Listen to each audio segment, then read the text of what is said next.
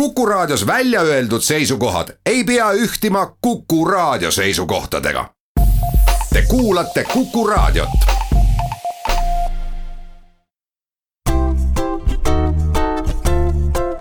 patsiendiminutid, Patsiendiminutid toob teieni Eesti Patsientide Liit. tere, hea Kuku kuulaja! meie tänase saate teemani eh, juhatas mind kolleeg kes mõni aeg tagasi tuli mulle koridoris vastu ja küsimuse peale, et miks sa jalga liipad ja mis sinuga juhtunud on, siis ta ohkas raskelt, ütles, et põlv valutab ja valutab juba päris kaua aega. ma siis uurisin edasi, et no kas liigesevahetuse operatsiooni aeg on kinni pandud, siis ta ütles, et et veel ei ole, et ta ei ole isegi veel perearsti juurde jõudnud, aga no ta tõdes, et ilmselt läheb päris pikalt aega, enne kui see valu võiks tal kunagi järgi anda on kuidas on, igatahes mingil hetkel jõuavad äh, enamus liigesevalutajaid siiski ortopeedi juurde ja sestap on minuga täna koos stuudios erakliiniku ortopeediaarstid ja Tartu Ülikooli Kliinikumi sporditraumakeskuse ortopeed doktor Madis Rahu, tere tulemast saatesse! tere! Eelmisel nädalal muide läks minu maja juurest mööda Tartu rulluisu maratonirada ja peatselt me teame, et on ka Tallinnas tulemas suur maraton, ehk et inimesed oma tervisest hoolivad.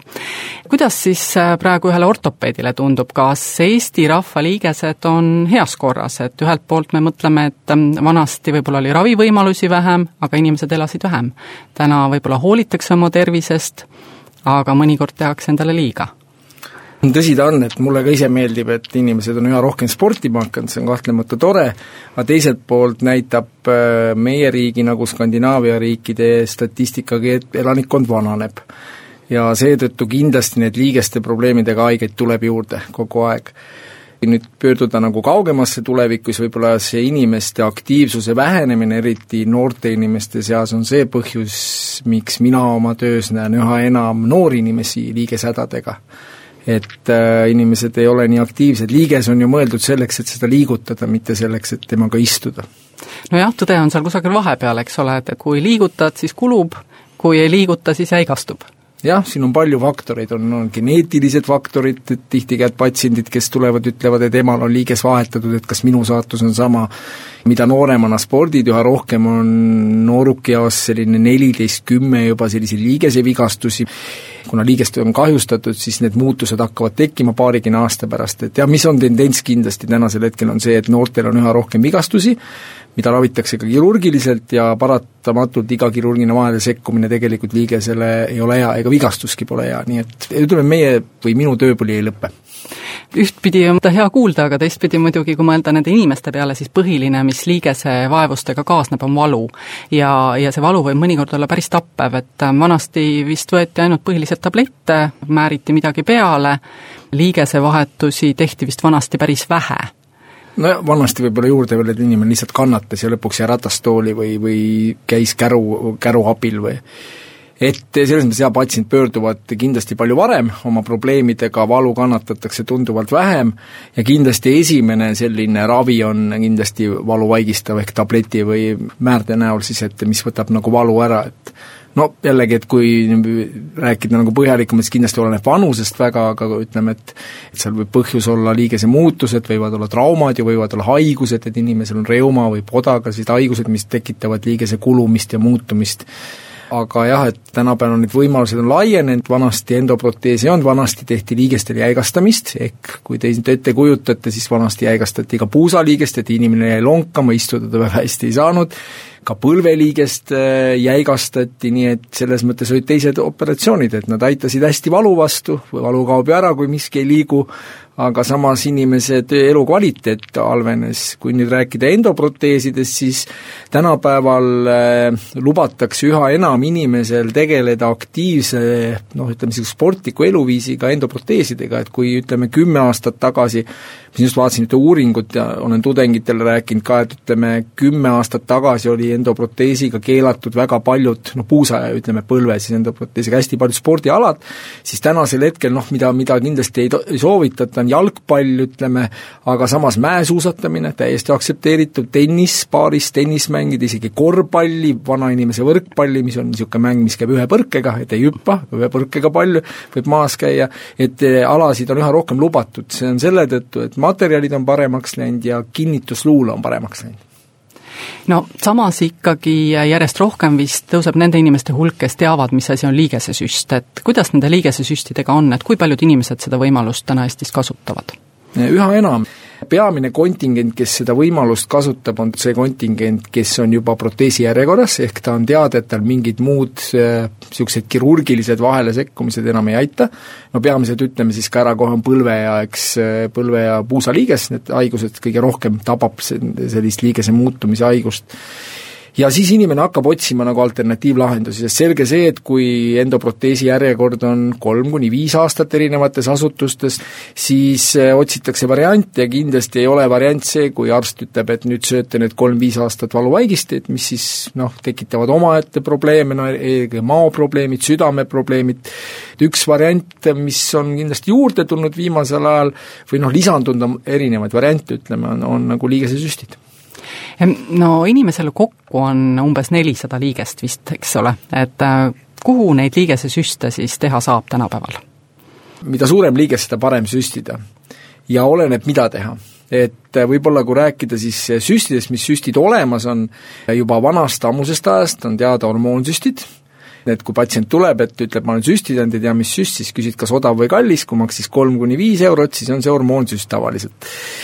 hormoonsüste tehakse väga palju, eh, ütleme, ka väikestesse liigestesse, see on näiteks reumatoloogide tänapäeva baasravi, et nüüd suurtel liigestel on tulnud lisa, lisavariandiks,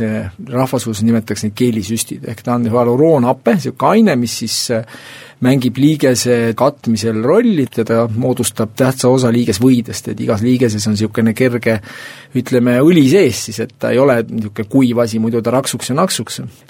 ja see on küll mõeldud rohkem suurtele liigestele, et kõige rohkem põlveliiges, ma arvan, üheksakümmend protsenti kuulub põlv, puusaliiges, hüppeliiges, küünarliiges, õlaliiges, ta pole nii hea, väikestele liigestele on see probleem, et tänasel hetkel ei ole selliseid väikestes kogustes nagu süstlaid ütleme, et need küll plaanitakse teha, aga ta sobiks väga hästi ka väikestesse, noh mina näiteks teen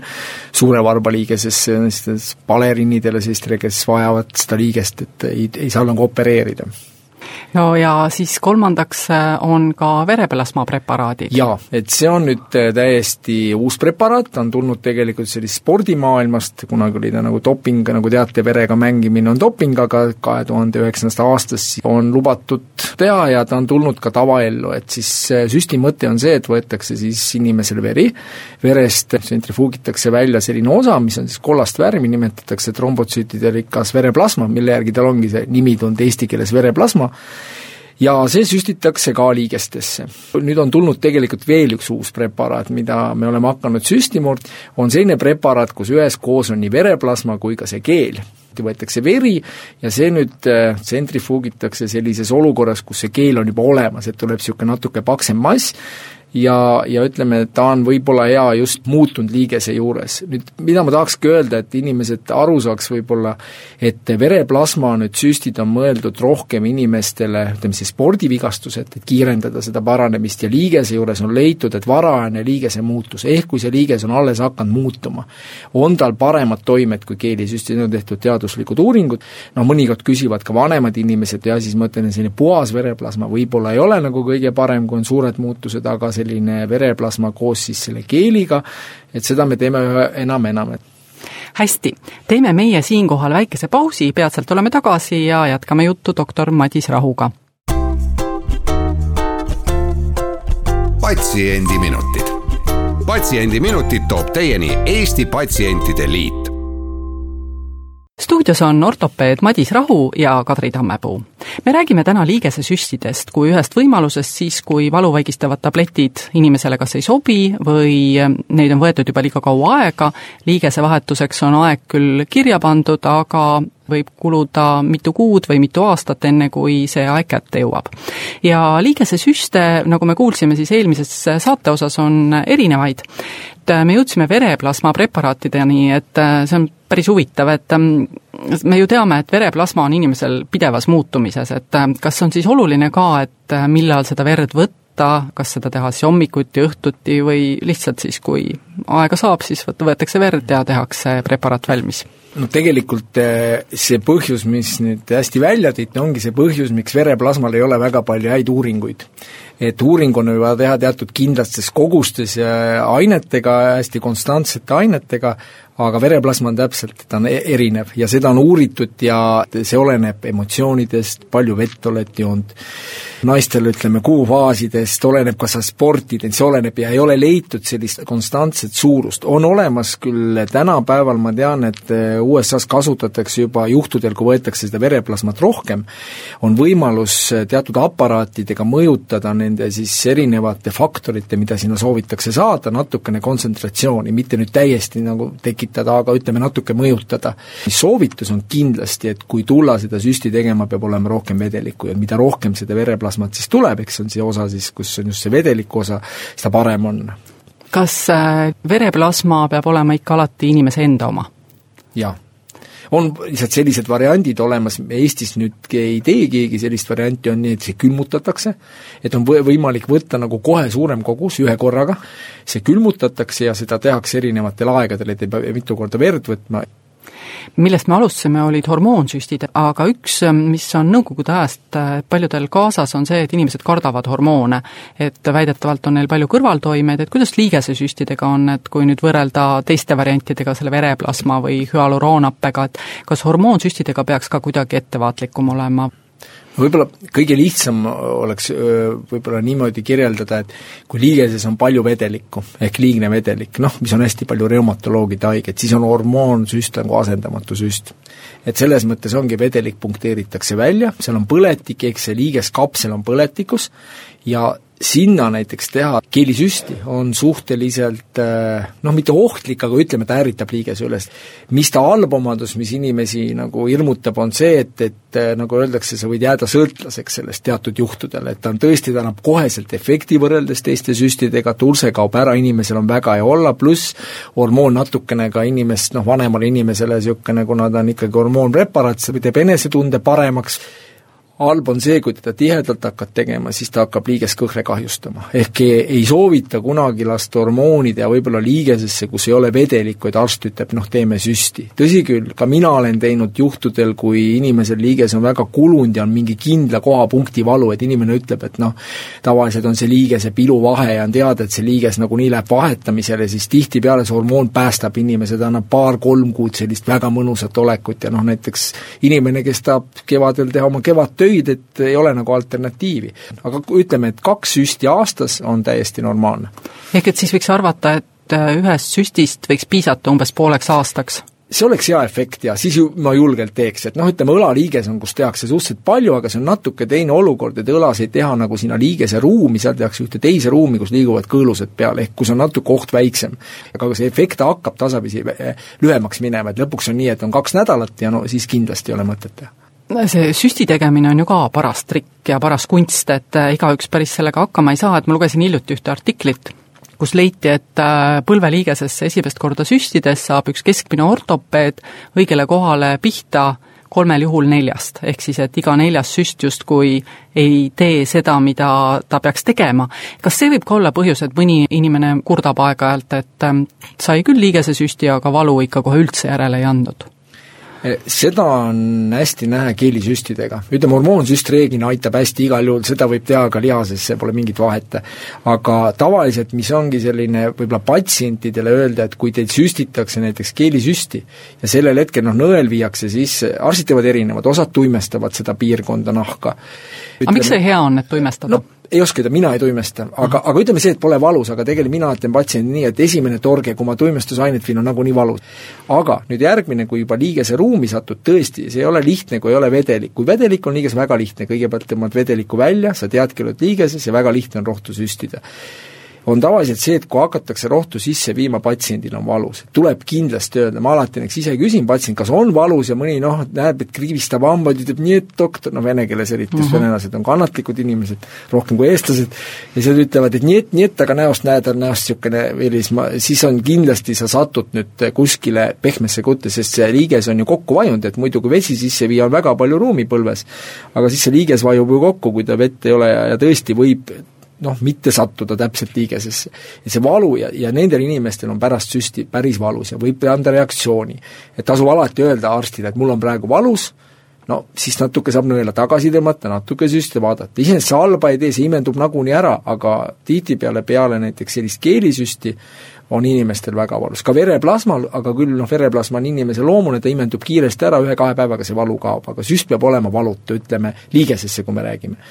teised kohad, kui on mingi liigese lähedal, näiteks põlves on niisuguseid erinevaid kohti, kus süstitakse, kus on valukohad inimestel, siis tavaliselt see süst esmalt on valulik, aga siis tehakse tavaliselt tuimestusainega, see on hormoon tavaliselt, ja see valu kaob kohe ära nii et ähm, tegelikult kui annaks valida, no näiteks äh, minna puusaliigesesse süsti saama, siis ähm, kui on ühelt poolt äh, tavaline ortopeed, kes teeb kõike ja, ja teiselt poolt selline ortopeed, kes igapäevaselt näiteks puusaliigesega tegeleb, siis tasuks viimane valida või? Jaa, puusaliigese süstimine on üldse, ütleme, selline natuke keerulisem äh, protseduur. Ja näiteks meie kliinikus me teeme seda üldse röntgenkontrolli all, et tabada kindlasti liigest. Ja isegi teatud juhtudel, kui on väga muutunud liiges narkoosi all, et tõmmata liigest korralikult lahti ja siis süstida keeli, on muide väga hea efektiga, aga puusal mina ütleks ka, et ma väga vähe teen neid ja ma hea meelega juhatan inimeste juurde, kes seda teevad igapäevaselt kui me räägime nüüd ähm, sellest, mis need liigesesüstid maksavad, siis ähm, kas on ka Haigekassa mingitel juhtudel nõus liigesesüstide eest maksma? jaa, hormoonsüstide eest äh, nad ilmselt katavad viiskümmend protsenti, ehk siis hormoonsüst maksab vist viis või kolm euro Eestis selles osas küll, aga teiste süstidega ei nii et äh, kellel liigesed on nõrgad, siis tasub igaks juhuks äh, pangaarvel endal natukene raha hoida, selleks et liigesevahetuseni ära elada. aga seoses sellega, et liigese kõhkude vist praktiliselt ei taastu, et siis ju otsitakse pidevalt viise, et kuidas seda kudet asendada või, või kuidas ta vähem kuluks. ja viis aastat tagasi te tegite oma esimese operatsiooni, kus te kasutasite siis seda tehislikku kollageeni põlveliigese kõhre taastamiseks? Ma kohe ütlen, et siin on väike erinevus äh, patsientide vahel. Nüüd, kui on liigese selline kulumine, millest me räägime, siis selliseid oppe ei anna teha. Neid annab teha juhtudel, kui on teatud kindel kolle või mingi ala võib-olla üks asi, mis tulevikus, nagu teate, on tüvirakkude teema päris tugev teema ja on Belgias üks kliinik, kuhu mitu eestlast on juba sattunud, ja teine asi, mida ma arvan, Eestis äkki lähitulevikus õnnestub Ravimiameti kaudu need load saada, mida süstitakse, on rasvasüstimine, noh, raskkoel on väga hea regeneratsioonivõime,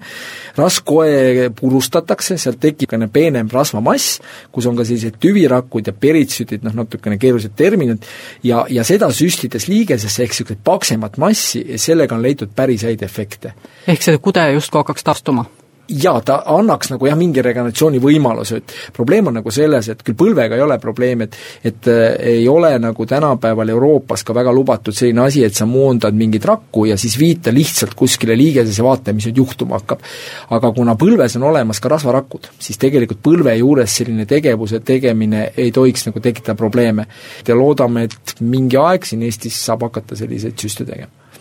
no igal juhul väga põnev ja suur aitäh, aga sellega kahjuks on meie tänane saade läbi. meiega oli koos stuudios doktor Madis Rahu, Tartu Ülikooli Kliinikumi sporditraumakeskuse ortopeed ja saadet juhtis Kadri Tammepuu. täname ka kõiki kuulajaid, kuulmiseni taas järgmisel nädalal ja seniks olgem terved! patsiendiminutid. patsiendiminutid toob teieni Eesti Patsientide Liit